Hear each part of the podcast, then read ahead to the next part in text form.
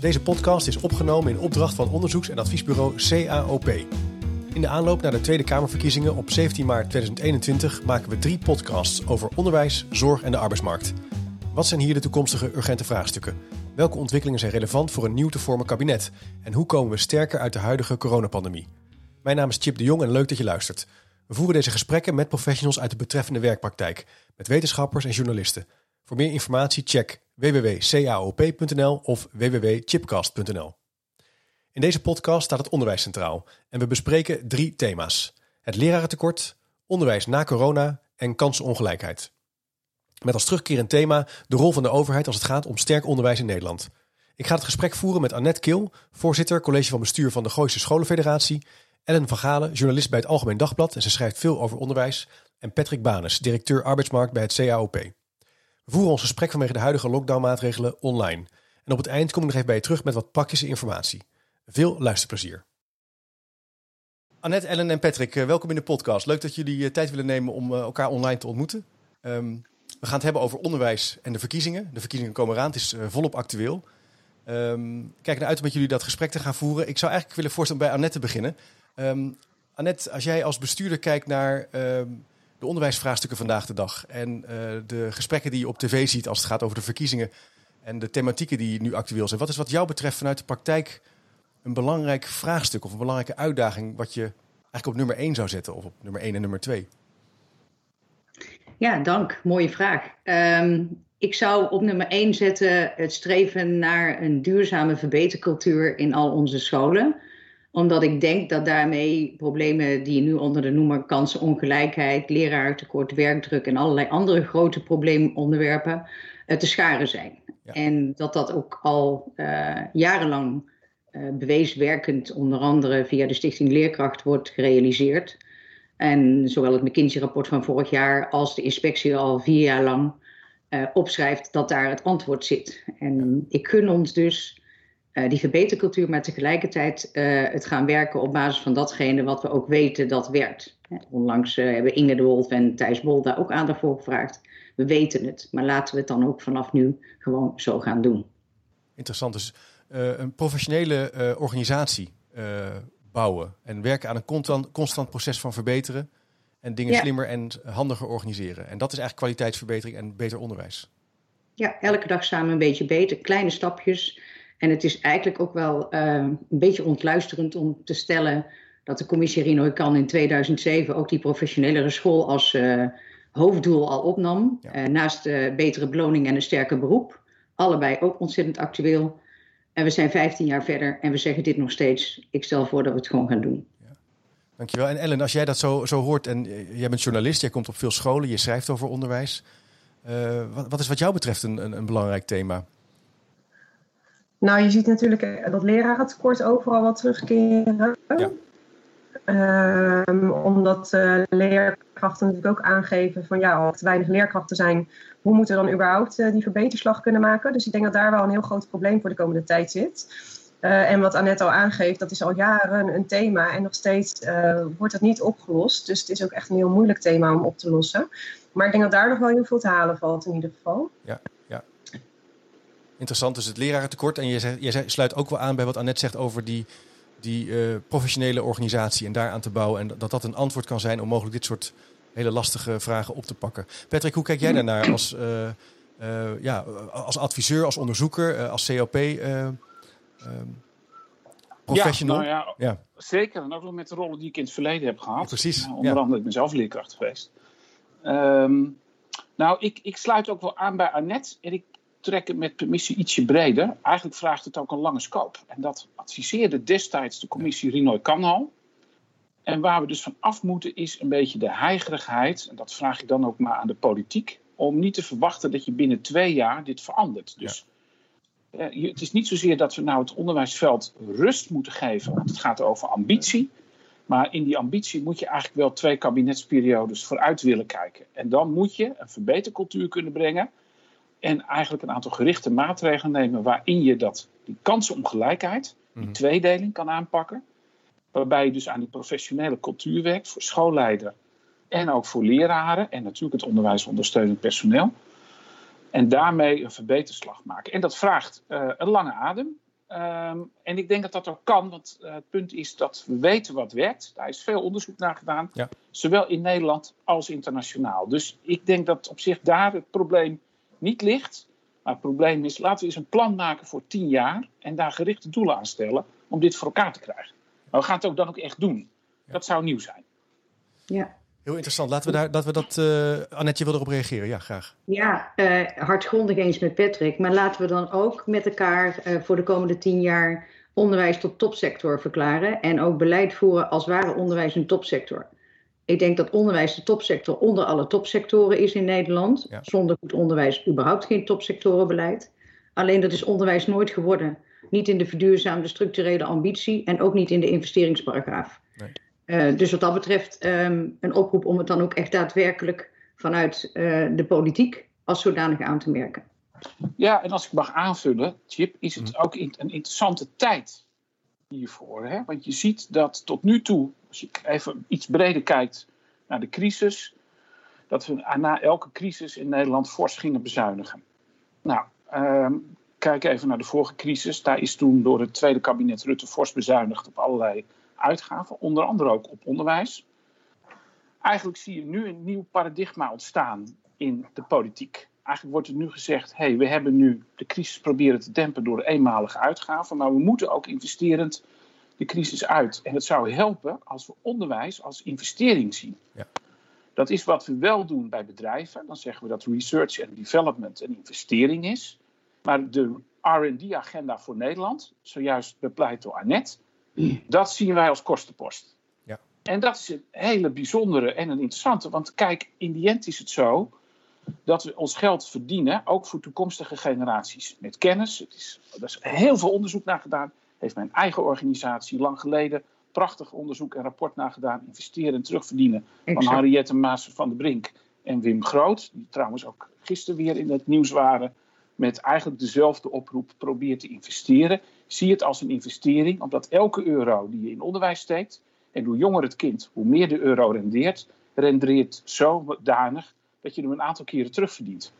Duidelijk. Uh, ik zou eigenlijk deze heel mooie verkenning van die, die, topsector en dat investeren in onderwijs en een lange termijn focus houden. Ik zou dat interessant vinden om eens te verkennen aan de hand van de drie thema's: lerarentekort, onderwijs na corona en kansenongelijkheid. En laten we eens beginnen bij, bij het lerarentekort. Uh, ik zou eigenlijk aan Ellen, aan jou willen vragen. Uh, wat zien we nou op scholen en wat zie jij nou op scholen? Uh, hoe school, schoolbestuurders en schooldirecteuren en leerkrachten en docenten Um, wat maken die mee wat betreft dat lerarentekort? En hoe groot is dat probleem? Nou ja, ik zie heel veel verschillen vooral. Uh, Amsterdam is denk ik een heel bekend voorbeeld waar gewoon echt veel uh, leraren te weinig zijn.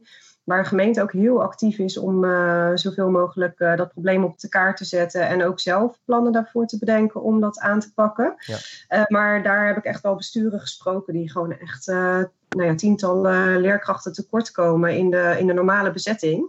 Dus daar is het echt een kwestie van uh, labmiddelen om de bezetting weer op orde te krijgen. En nou ja, daar gebeurt het dus ook gewoon echt wel dat kinderen naar huis worden gestuurd, omdat er die dag uh, geen juf of meester is. Omdat er ook nog een tekort is aan invallers. Dat zie je overigens op heel veel plekken in het land, dat er gewoon echt heel weinig invallers zijn te vinden. Ja. En uh, ja, als er dan een probleem is in de bezetting, dat er ook echt een probleem is.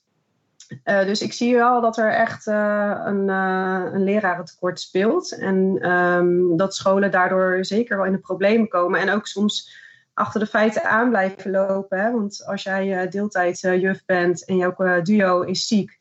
nou ja, dan wordt er ook heel vaak wel gevraagd of, natuurlijk dat, of jij dan wil invallen extra. Dus die werken al behoorlijk veel extra. Ja. Ja. Maar daar zie ik wel echt een groot probleem. Ja, dus er zit echt spanning op. En, en Annette, um, hoe, kunnen we dit nou oplossen? Je kan er namelijk op vanuit verschillende manieren naar kijken. Je zou kunnen zeggen, ja, de, het vak moet aantrekkelijk worden. We moeten het beroep weer in ere herstellen en uh, investeren in de opleidingen. De kwaliteit van de, van, de, van de opleidingen die er zijn en de zijinstroomniveaus. Maar ook de schoolorganisatie zelf zou daar een, rol in kunnen spelen. Dus er zijn waarschijnlijk verschillende brillen als het ware die je zou kunnen opzet, opzetten om te kijken naar dit vraagstuk. Hoe zou jij dit uh, vraagstuk rondom het leraartekort duiden?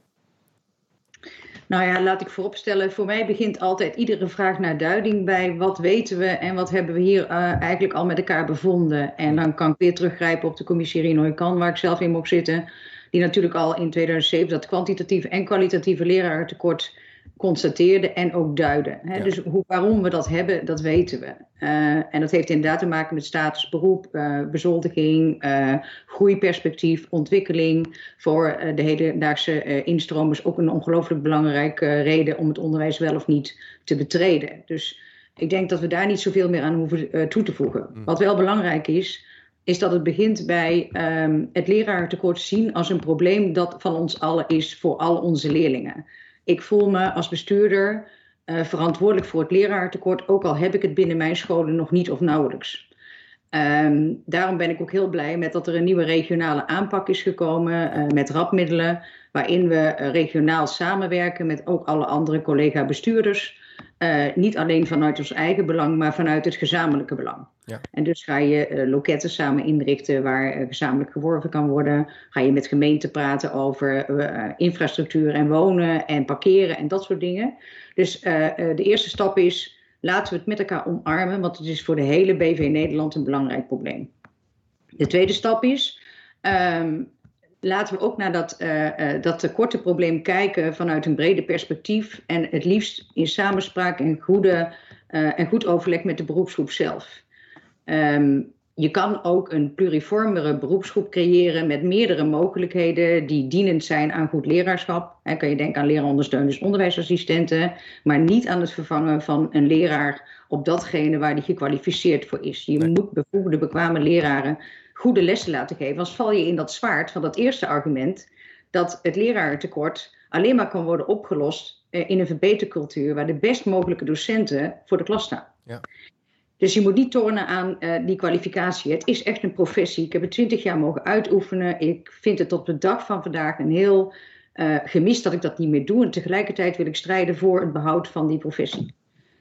Als we dat dan met elkaar constateren, dan moeten we ook durven zeggen: COVID, en daar kun je misschien straks bij de Lessons Learned ook nog iets over uh, vragen, heeft ons ook laten inzien dat er meerdere uh, uh, kwalificaties, meerdere talenten onder leraren zijn die je op een andere manier kan gaan inzetten ten nut van het algemeen. Er waren leraren die perfect in staat waren om tutorials te geven, educational tutorials, ja. digitale instructie, Kaan-academie-achtige instructies. En er waren leraren die dat lastig vonden. Ja. En als je dan op een andere manier naar het leraarschap kijkt, dan zou je kunnen zeggen: creëer nou een, een nationaal instructiebibliotheek, uh, uh, waar de beste leraren bijvoorbeeld het naamwoord gezegde uitleggen. En dat kunnen dan ook al die kinderen in zwakkere scholen, anytime, anyplace, anywhere, tot zich nemen. En dan kunnen die docenten in die klassen veel gerichter en gepersonaliseerd werken aan deficiënties, aan begeleiding, aan verdieping en ieder kind zien. Want dat is echt een vak, ieder kind zien. Dat ja. pedagogisch didactisch handelen, is de kern van uh, uh, zeg maar het leraarschap. Dus stel dat je op andere manieren leert kijken naar dat beroep. Andere ondersteunings in dat beroep zou uh, toelaten, wat we ook al twintig jaar willen, maar nog steeds maar minimaal realiseren.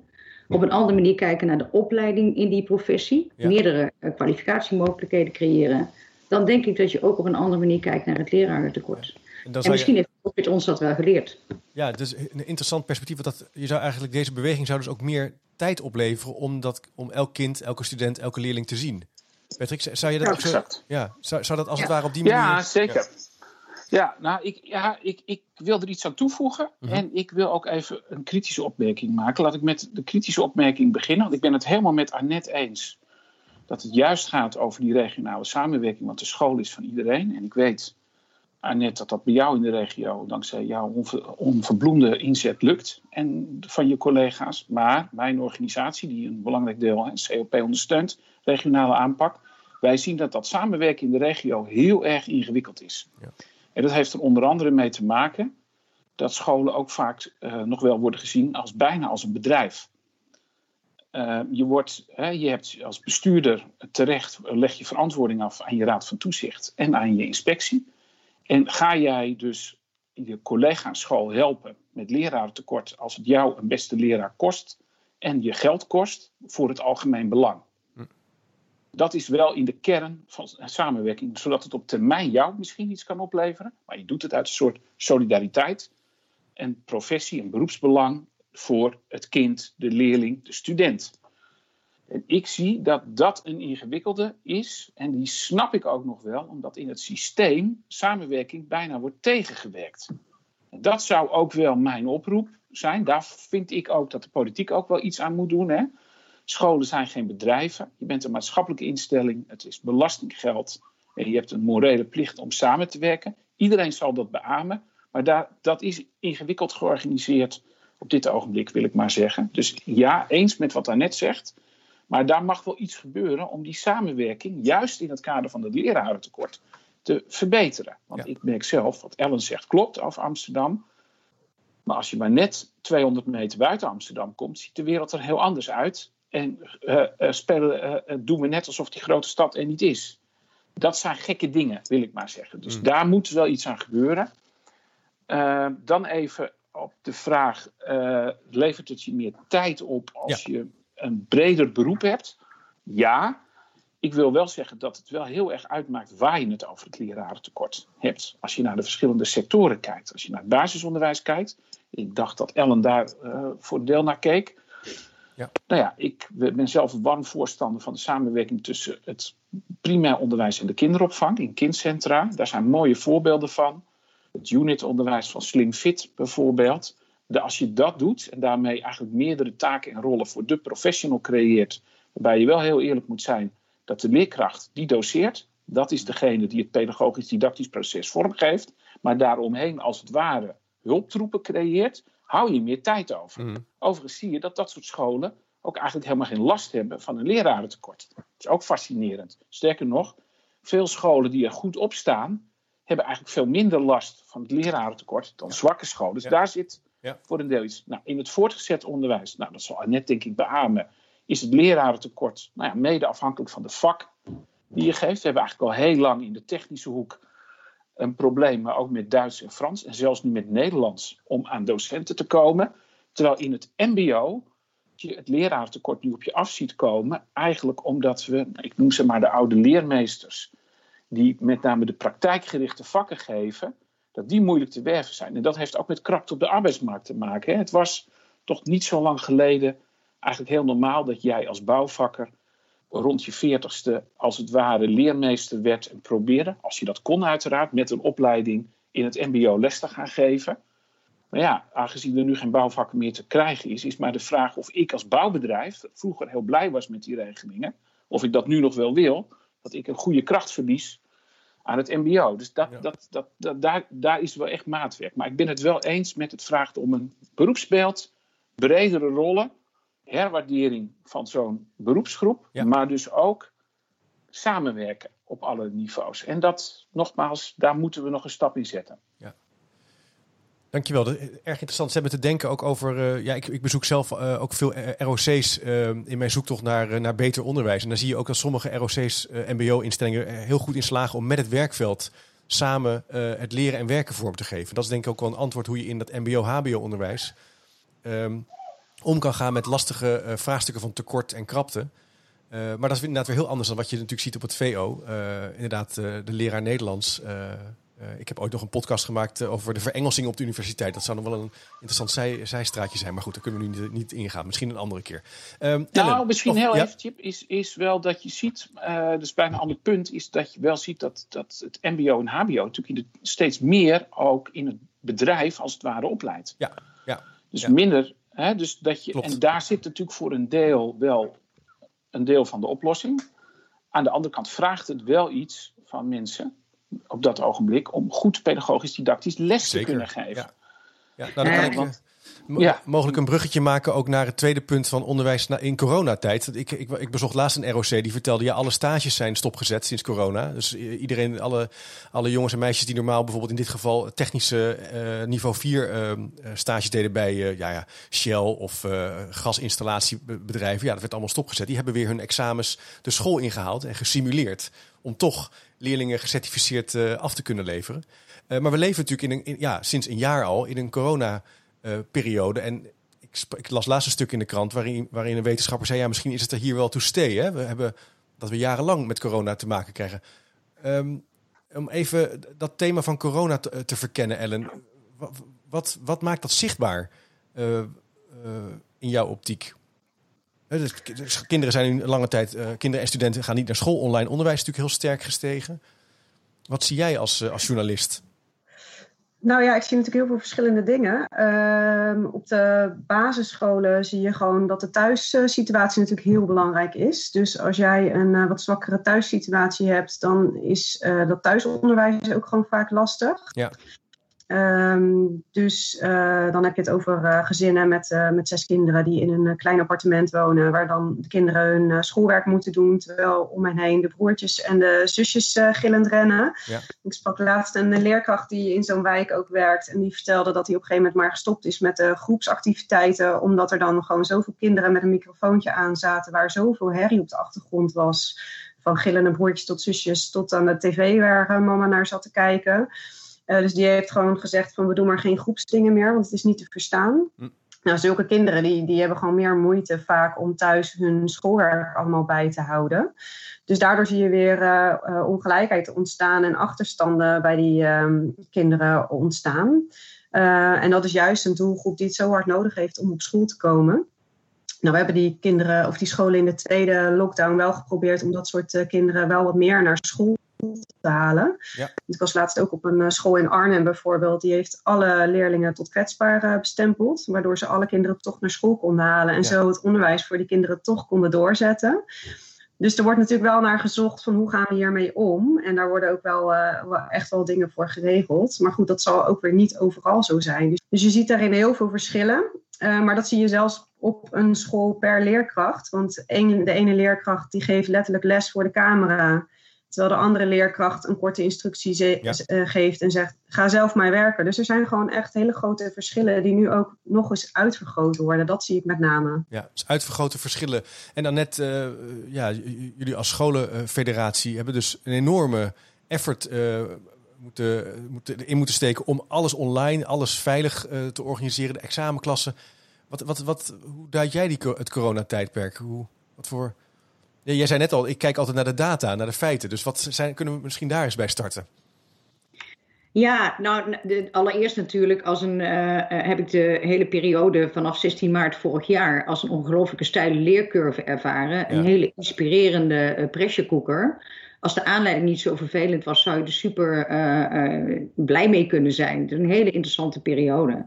Waar mensen op een hele nieuwe en eigen manier met en van elkaar hebben geleerd. Zowel binnen de scholen als tussen de scholen waar ik een overdosis waardering en respect heb voor de wijze waarop iedereen in hele korte tijd niet alleen die omslag heeft gemaakt, maar ook vanaf dat moment non-stop uh, is gaan werken aan het best mogelijke onderwijs voor al die kinderen.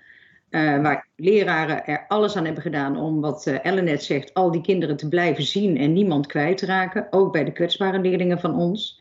En daarin boven uh, gemiddeld en, en, en wonderlijk genoeg ook zijn geslaagd. Dus als ik ergens uh, uh, kan laten klinken dat deze beroepsgroep in dat onderwijs stuk voor stuk een lintje verdient vanwege alles wat ze het afgelopen jaar hebben laten zien, dan zal ik dat niet laten, dus ook graag hier. Dus bovenal trots, respect en waardering. En dat mag misschien in Den Haag ook wel eens wat nadrukkelijker worden vertaald in beleid. Dat mis ik.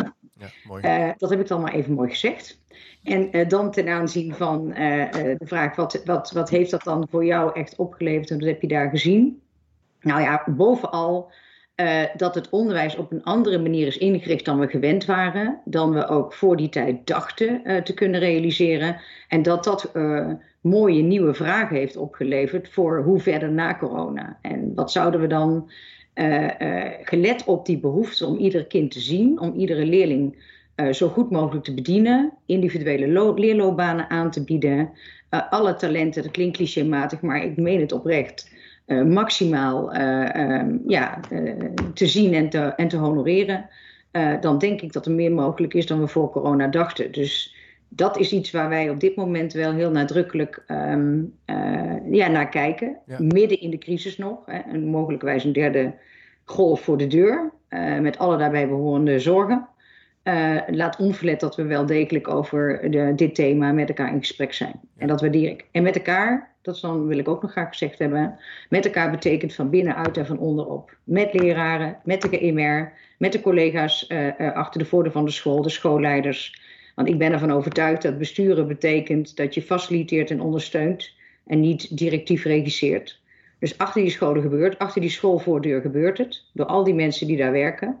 En die mensen verdienen gewoon de maximale ondersteuning van bestuurders zoals ik. Maar dat betekent dus ook dat je dus met al die collega's een, die beweging moet kunnen maken. Het is dus niet een, een eenzijdige uh, directieve veranderstrategie of ontwikkelstrategie, maar het vraagt echt dialoog, ontmoeting, uh, praten met elkaar. Dat is nog wel echt een uitdaging natuurlijk in deze tijd. Uh, Patrick, er zit natuurlijk een enorm verschil tussen PO, basisscholen, het middelbaar beroepsonderwijs, het HBO, de universiteiten. kunnen we even naar het hoger onderwijs bijvoorbeeld eens kijken? want ik weet dat jij daar ook veel van af weet. Hoe kijk je nou naar die coronatijdperk in het hoger onderwijs? Nou, Ehm, voor een deel lijkt dat heel erg op ehm, ook het funderend onderwijs. Hè? Ja. Ik begin altijd maar met de drieslag van Bista. Het gaat over kennisoverdracht. Het gaat ook over persoonsvorming en socialisatie. Ja. En dat is naar mijn idee de kern van onderwijs. En waar we nog wel eens hebben gedacht ehm, dat kennisoverdracht het belangrijkste was. En dat je dat dus kunt digitaliseren. En dat kan voor een deel. Ellen heeft daar overigens wel net een aantal belangrijke kanttekeningen van gemaakt. Hè. Dat moet je ook maar gegeven zijn. Ja. Zie je dat ook in het hoger onderwijs natuurlijk die socialisatie en persoonsvorming heel belangrijk is. Ja. Iedereen weet, uh, die naar deze podcast luistert en die zelf gestudeerd heeft, hoe belangrijk een eerste jaar in de studie was. Waarin je misschien op jezelf gaat wonen, waarbij je nieuwe vrienden maakt, ehm, waarin je lekker in de kroeg zit, leuke dingen doet. En die zitten, mensen zitten natuurlijk nu een jaar thuis. Ja. Die, uh, en daar kunnen de instellingen allemaal niks aan doen. Hè. Het is duidelijk. Uh, maar ja, het is bijna een soort LOE-cursus op de zolderkamer. Uh, zonder een collegebank van binnen te hebben gezien, uh, de studentensoos te hebben bezocht. En die interactie met, tussen studenten onderling, ja. de, ook de interactie tussen jou als docent in het HBO of universitair onderwijs en die studenten, die is van wezenlijk belang. Dus, En die socialisatie en persoonsvorming in die zin dus, die, ja, die, dat is een enorm gemis. Nou, je ziet het ook in de cijfers. Hè. Je ziet de, nou, depressiviteit toenemen onder studenten. Studenten eerder afhaken, wat begrijpelijk is. En nogmaals, nobody is to blame. Hè. Maar en het is wel goed dat het kabinet, vond ik zelf, daar laatst wel ook eindelijk aandacht aan schonk. Hoe ingewikkeld het is dat studenten ook meer tijd krijgen. Ja. Ehm, dat er ook weer iets gebeurt uh, rond tijdsverlenging binnen het studieadvies uh, enzovoort. Ehm, omdat ik denk dat nou, je zou een heleboel van deze studenten ook gunnen um, dat ze als het ware een extra jaar of een extra half jaar krijgen. Ja. Om gewoon dit in te mogen lopen. En ik gun ook veel docenten, want ik weet dat daar ook wel de frustratie zit. Ook weer om met die groep dat hoor- of werkcollege te mogen geven. En de interactie met je studenten te krijgen. Dus ik, ik vind dat wel, in die zin lijkt die situatie daar wel op. Waar het natuurlijk, dat is wel anders. Uh, het basisonderwijs is nu weer open. Was eigenlijk al, he, is relatief kort dicht geweest dit schooljaar. Het voortgezet onderwijs is gelukkig uh, weer open op het moment dat we deze opname maken. Maar het hoger onderwijs is nog niet open. Nee. Uh, en je mag blij zijn als je daar een ochtend in de week komt. Uh, en, uh, nou, dus daar gun ik ook die studenten wel meer. En ik hoop dat het ook snel weer kan. Ja, ik vind het mooi wat je zegt ook over de docenten. Ik, uh, ik geef zelf les op een HBO-master en op de universiteit. Ik merk ook als docent dat het enorm ingewikkeld is. Uh, qua werkvorm, interactie, ontmoeting. Voor veel van de vakken, als het gaat over onderwijskunde, wil je ook natuurlijk met elkaar praten, vraagstukken verkennen. En dat, ja, op een gegeven moment, na twee uur, is dat gewoon op is mijn bescheiden mening. Misschien doe ik iets helemaal verkeerd, maar... Dus nou goed, dus dat vond ik wel een mooi punt. Um, nou, ik wil er nog wel iets aan toevoegen als het mag. Want um, in de beeldvorming lijkt het ook wel een beetje alsof studenten in de, sinds maart best wel regelmatig weer naar de universiteit of de hogeschool zijn geweest. Maar in de praktijk blijkt er echt een hele grote groep te zijn die gewoon sinds maart geen stap meer in die faculteit heeft gezet. En ik spreek natuurlijk regelmatig uh, dat soort studenten. En hoe ze dat dan omschrijven, met name degene die op kamers wonen, die zeggen van ja, jeetje, ik zit hier in mijn kamer van 12 vierkante meter. Ik rol letterlijk mijn bed uit, ga op mijn stoeltje achter mijn laptop zitten en dat is mijn wereld. Ja. Verder is er gewoon niks. En, en die studenten die hebben het gewoon echt heel zwaar en die kunnen zich moeilijk motiveren. En sprak laatst een student die zei ook van, nou ja, ik ben gewoon uh, gestopt ermee, want ik wilde niet nog meer online zitten. En het was haar laatste studiejaar. Dus die heeft het nu naar uh, na de zomer verplaatst, omdat ze niet wil dat zo haar studententijd eindigt. Nee, zo zie je maar. Nou, ja, wat dat betreft is het echt nog wel een grote uitdaging. Ik, zie, ik zou eigenlijk met jullie goedkeuring naar het laatste thema willen gaan. Want tijdmanagement is niet mijn sterkste punt. Dus we moeten ook er weer voor zorgen dat we mooi binnen de gestelde tijd een gesprek afronden. Mogelijk nog een keer een tweede gesprek gewoon voeren. Maar dat gaat over kansenongelijkheid. Misschien een laatste gedachte daarover van jullie alle drie. ik denk dat kansen, kansen gelijke kansen, hè, dat is eigenlijk dat door deze eigenlijk elk gesprek tot nu toe. Hè, dat gaat over dat elk, elke student, elke leerling, ja, uh, ongeacht waar die vandaan komt, uh, ja, sterk, uh, sterke kansen krijgt om een mooi vak te kiezen, naar een mooie middelbare school te gaan, een studie te gaan doen, een vak te leren. Annette, als het gaat over kansengelijkheid, hoe kijk jij daar tegenaan in het achterhoofd dat de verkiezingen eraan komen? Ja, nou, ik denk dat, uh, de, uh, dat COVID en ook Human met klassen een vergrootglas heeft gelegd op wat we al lang wisten. Ja, ja. Maar helaas uh, nog niet zo tot ons hebben laten doordringen. het heeft een gezicht gekregen door de klassenserie. En daarmee zijn de onderliggende gegevens in één keer geduid. Dus dat, is, dat is in ieder geval het goede eraan. Ehm, ik denk echt, en dan kom ik bijna terug op mijn eerste ehm, reactie in dit gesprek dat het echte antwoord op kansenongelijkheid, naar aanleiding van alles wat we weten uit de inspectierapportages en het McKinsey-rapport, begint bij de best mogelijke docent voor de klas. Ja. Uh, dus die verbetercultuur, ik kan het niet vaak genoeg zeggen, bewezen werkend. Uh, dus niet weer allerlei uh, ideetjes of hypes of korte projectjes die met geld tijdelijk kunnen worden bekostigd. Daarna is de geldzak leeg en de opbrengst verdwenen. En twee jaar later beginnen we met dezelfde ideeën weer aan dezelfde projectje zonder kennis te nemen van wat er uh, in die vorige projecten wel en niet heeft gewerkt. Daar moeten we echt mee stoppen. We moeten naar een integrale, uh, duurzame visie op verbeteren. En aan de hand van die verbetercultuur zorgen dat we nu daadwerkelijk gaan doen wat uit al die rapporten blijkt, wat in de commissie Rinoy Kandel is opgeschreven. Laten we stoppen met andere uh, ja, nieuwe ideeën te bedenken, maar laten we gaan doen wat bewezen werkt. En dat begint bij investeren in de beroepsgroep. De beste leraar voor de klas. Dat is het antwoord. Mooi. Dankjewel Annette. En Ellen, um, zou je er nog op willen reageren of een gedachte aan willen toevoegen? Nou, ik, wat ik denk, dat zei ik net ook al kort, um, dat het juist wel schrijnend is dat uh, het lerarentekort hard toeslaat op die scholen waar ze eigenlijk de beste leraren nodig hebben. En dat is natuurlijk wel heel schrijnend om te zien. Uh, want juist in die kansarme wijken, op die, ja, op die scholen met uh, veel kansarme kinderen, ja, daar heb je dus gewoon een groot leraartekort. Terwijl je daar juist keihard die goede leerkracht nodig hebt. Ja.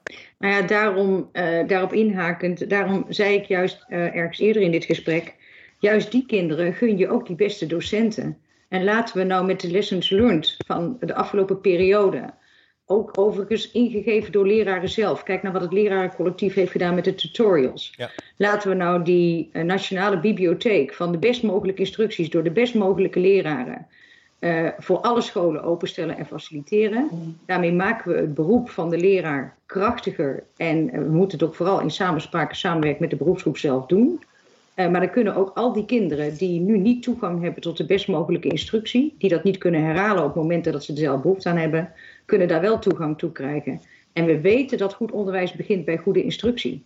Ja. Dus als we, en daar kunnen we ook uh, niet alleen de gelijkheidsproblemen deel mee oplossen, misschien ook de werkdruk van leraren wat mee aanpakken. En de beroepsgroep zelf in positie brengen om dit te gaan regelen. Want niet iedere leraar is een goede digitaal geletterde leraar en hoeft dat ook niet te zijn. Nee, dat wat je eerder zei, hè? er zit verschil in tussen, tussen talenten. Maar het begint bij instructie. Eh, dat is, eh, dat, we weten dat dat werkt bijvoorbeeld. Dat is een punt, een mooie, mooie toevoeging. Patrick, een laatste gedachte. Ja, we komen zo op het eind van het gesprek. Er is nog veel meer over te zeggen. Ik word er wel wat positief, ik word wel positief over de toekomst uh, na dit gesprek. Ik denk, oh, dit zijn mooie bewegingen waar we echt het verschil kunnen maken. Um, Patrick. Zeker. Ja. Nog een laatste ik, ik, heb twee dingen als het Twee mag. dingen, ja, tuurlijk. Eén is, nou ja, ik, had een punt wat ik, ik wil even reageren. Want ik, ik, ik ben het eens met Ellen en Annette. Maar wat het wel vraagt, is de moed om te, willen, om te kunnen differentiëren tussen uh, leerkrachten. En ik vind, dat is een uh, oud punt, ga ik hier gewoon lekker roepen, dat docenten in achterstandswijken gewoon beter betaald moeten worden. Dat je daar de klassen moet verkleinen. En dat je dat best uh, ten koste mag laten gaan van de gymnasia. Het is een boute uitspraak, maar ik ga hem wel roepen, omdat helaas, dat, net val ik je toch af, de commissie Rinoy Kamp precies het tegenovergestelde beweerde. en ik vind dat daar wel een punt zit, namelijk Um, want is namelijk in uh, achterstandswijk in Rotterdam Zuid of in Amsterdam West zwaarder lesgeven ja. dan in de bovenbouw, HAVO of VWO. En dat weet ik nog uit mijn eigen tijdperk. Dat zal jij misschien ook weten, Annette. Is dat dat wel, en dat, het gekke is dat we dat dus niet belonen. En belonen is niet alleen financieel, maar ook kijkend naar de omstandigheden uh, die je daarvoor hebt. Dus dat zou ik wel willen toevoegen. Dat noem ik het durf om te differentiëren. Ja, ja. Tweede is om die kansenongelijkheid, en dat is ook een bruggetje naar de politiek als het mag. We gaan straks, dat is een beetje mijn professie, ik kijk naar de hele arbeidsmarkt in Nederland, zoals jullie weten. De komende 10, 15 jaar krijgen we straks 1 miljoen minder werkenden op de arbeidsmarkt door de vergrijzing en we hebben minder jongeren. Dat merken we in het PO en VO al en nu in het MBO. Dat betekent dat we straks met minder mensen onze welvaart moeten blijven verdienen. Dat kan in dit land. Want we hebben een geweldig land met veel kansen. Maar dat betekent dat we ons eigenlijk niet kunnen veroorloven dat jongeren uitvallen op basis van slecht onderwijs uh, en kansenongelijkheid. We hebben iedereen nodig om omhoog te krijgen. Dat is, om net te citeren, topsectorbeleid. Ja. En je ziet ook, ik zie ook dat bijvoorbeeld ook VNO-NCW dat nu ziet. Je ziet dat veel werkgevers denken, we moeten in jonge kinderen investeren, want ik heb ze straks nodig als toekomstig werknemer. We kunnen niet blijven repareren. En de uitval daarvoor is de afgelopen jaren te groot geweest. En daar ligt een hele mooie opgave. Dus naast het spoor, wat ik mooi vond aan klassen, is dat je denkt, dit kan toch niet waar zijn, terwijl we weten dat het waar is. En daar hebben we die beste docenten nodig. En dan maak ik ook de cirkel rond. Vraagt het ook een investeringsagenda vanuit de overheid, die ook economisch is. Omdat we het nodig hebben voor onze welvaart. En daar kunnen we geen uitval en kansenongelijkheid in gebruiken. Mooi, Peter. We hebben iedereen nodig. We hebben iedereen nodig. En de cirkel is in ieder geval de, eerste keer rond. En we kunnen denk ik nog, nog een laatste gedachte van Annette en dan, uh, dan ronden we hem af. Ja, ik, ik helemaal uh, eens met Patrick. Ik zou er nog één ding aan toe willen voegen, want het heeft ook te maken met status en imago van de beroepsgroep. En bij de beroepsgroep reken ik ook de schoolleiders, hè, laten, want daar hebben we ook een dreigend tekort, of in ieder geval al een bestaand tekort. Dus zonder een goede schoolleider ook geen goede leraren, die versterken elkaar verschrikkelijk. Ja. Um, maar als we het hebben over status imago beroepsgroep, ik vind uh, het initiatief dat we gestart zijn met het project Pre-leraar om leerlingen in de bovenbouw, leerlingen in de onderbouw uh, bijwerk en bijles te laten geven, zonder dat ze daarmee gedreven worden naar allerlei dure uh, huiswerkinstituten. Ook een, uh, een behoorlijke investering in het oplossen van de kansenongelijkheid. Onder de noemer, je kan beter een vak geven dan een vak vullen, verdien je dan natuurlijk meer dan bij een lokale supermarkt. laat je ook voor het hekje zien aan leerlingen hoe interessant het is om dat beroep van leraar te overwegen. En dat doen we ook samen met de leraaropleidingen. Dus dan komt er ook een, eh, een, een eh, NOC-NSF-achtige kwalificatie, zoals je ook bij jeugd hockeytrainercertificaten hebt. Dat betekent ook dat het op dat cv iets doet. Dat vinden jongeren ook interessant. Ja. En dat zie je ook door studenten nu uh, aangeboden worden. Hè. Studenten voor docenten. De bijvangst van die ontwikkeling is dat het leraarschap niet alleen wordt gezien als een bijbaantje, maar dat ze ook door het te doen erachter komen hoe ongelooflijk waardevol, letterlijk en figuurlijk, dat beroep is. En ik ben heel blij te zien dat deze jonge generatie ook naar waardevol werk streeft. En daar ook meerwaarde aan toekent. Dus laten we en inzetten op al die andere dingen die ook moeten. Maar laten we ook inzetten op de en maken van beroep door voor het hekje al te kijken uh, of we voor deze beroepsgroep ook al leerlingen kunnen werven. Dat doen alle sectoren behalve het onderwijs. Fantastisch, dankjewel Annette. Wat een interessante toevoeging nog. Ja, je zou bijna zeggen, aan ons zal het niet liggen uh, uh, wat betreft de, toekomst van onderwijs. Het is in ieder geval ontzettend leuk om met jullie hierover van gedachten te wisselen. Annette, Ellen en Patrick, dankjewel voor jullie tijd. Um, ja, de verkiezingen komen eraan, dus we, gaan het meemaken wat er de aankomende periode op ons af gaat komen. Maar een hele interessante inhoudelijke verkenning van, de, van de onderwijsperspectieven in Nederland. Dank jullie wel. Graag gedaan. Graag gedaan, dankjewel. Nou, het gesprek zit erop. Je hebt misschien gehoord dat we iets in de tijd uitliepen. Maar een goed gesprek vraagt ook soms wat tijd. Uh, ik vond het ontzettend leuk om met Annette en Ellen en Patrick in gesprek te gaan over onderwijs. Dit is dus, zoals al even gezegd, het eerste gesprek van een drieluik. Uh, in het kader van de Tweede Kamerverkiezing op 17 maart 2021.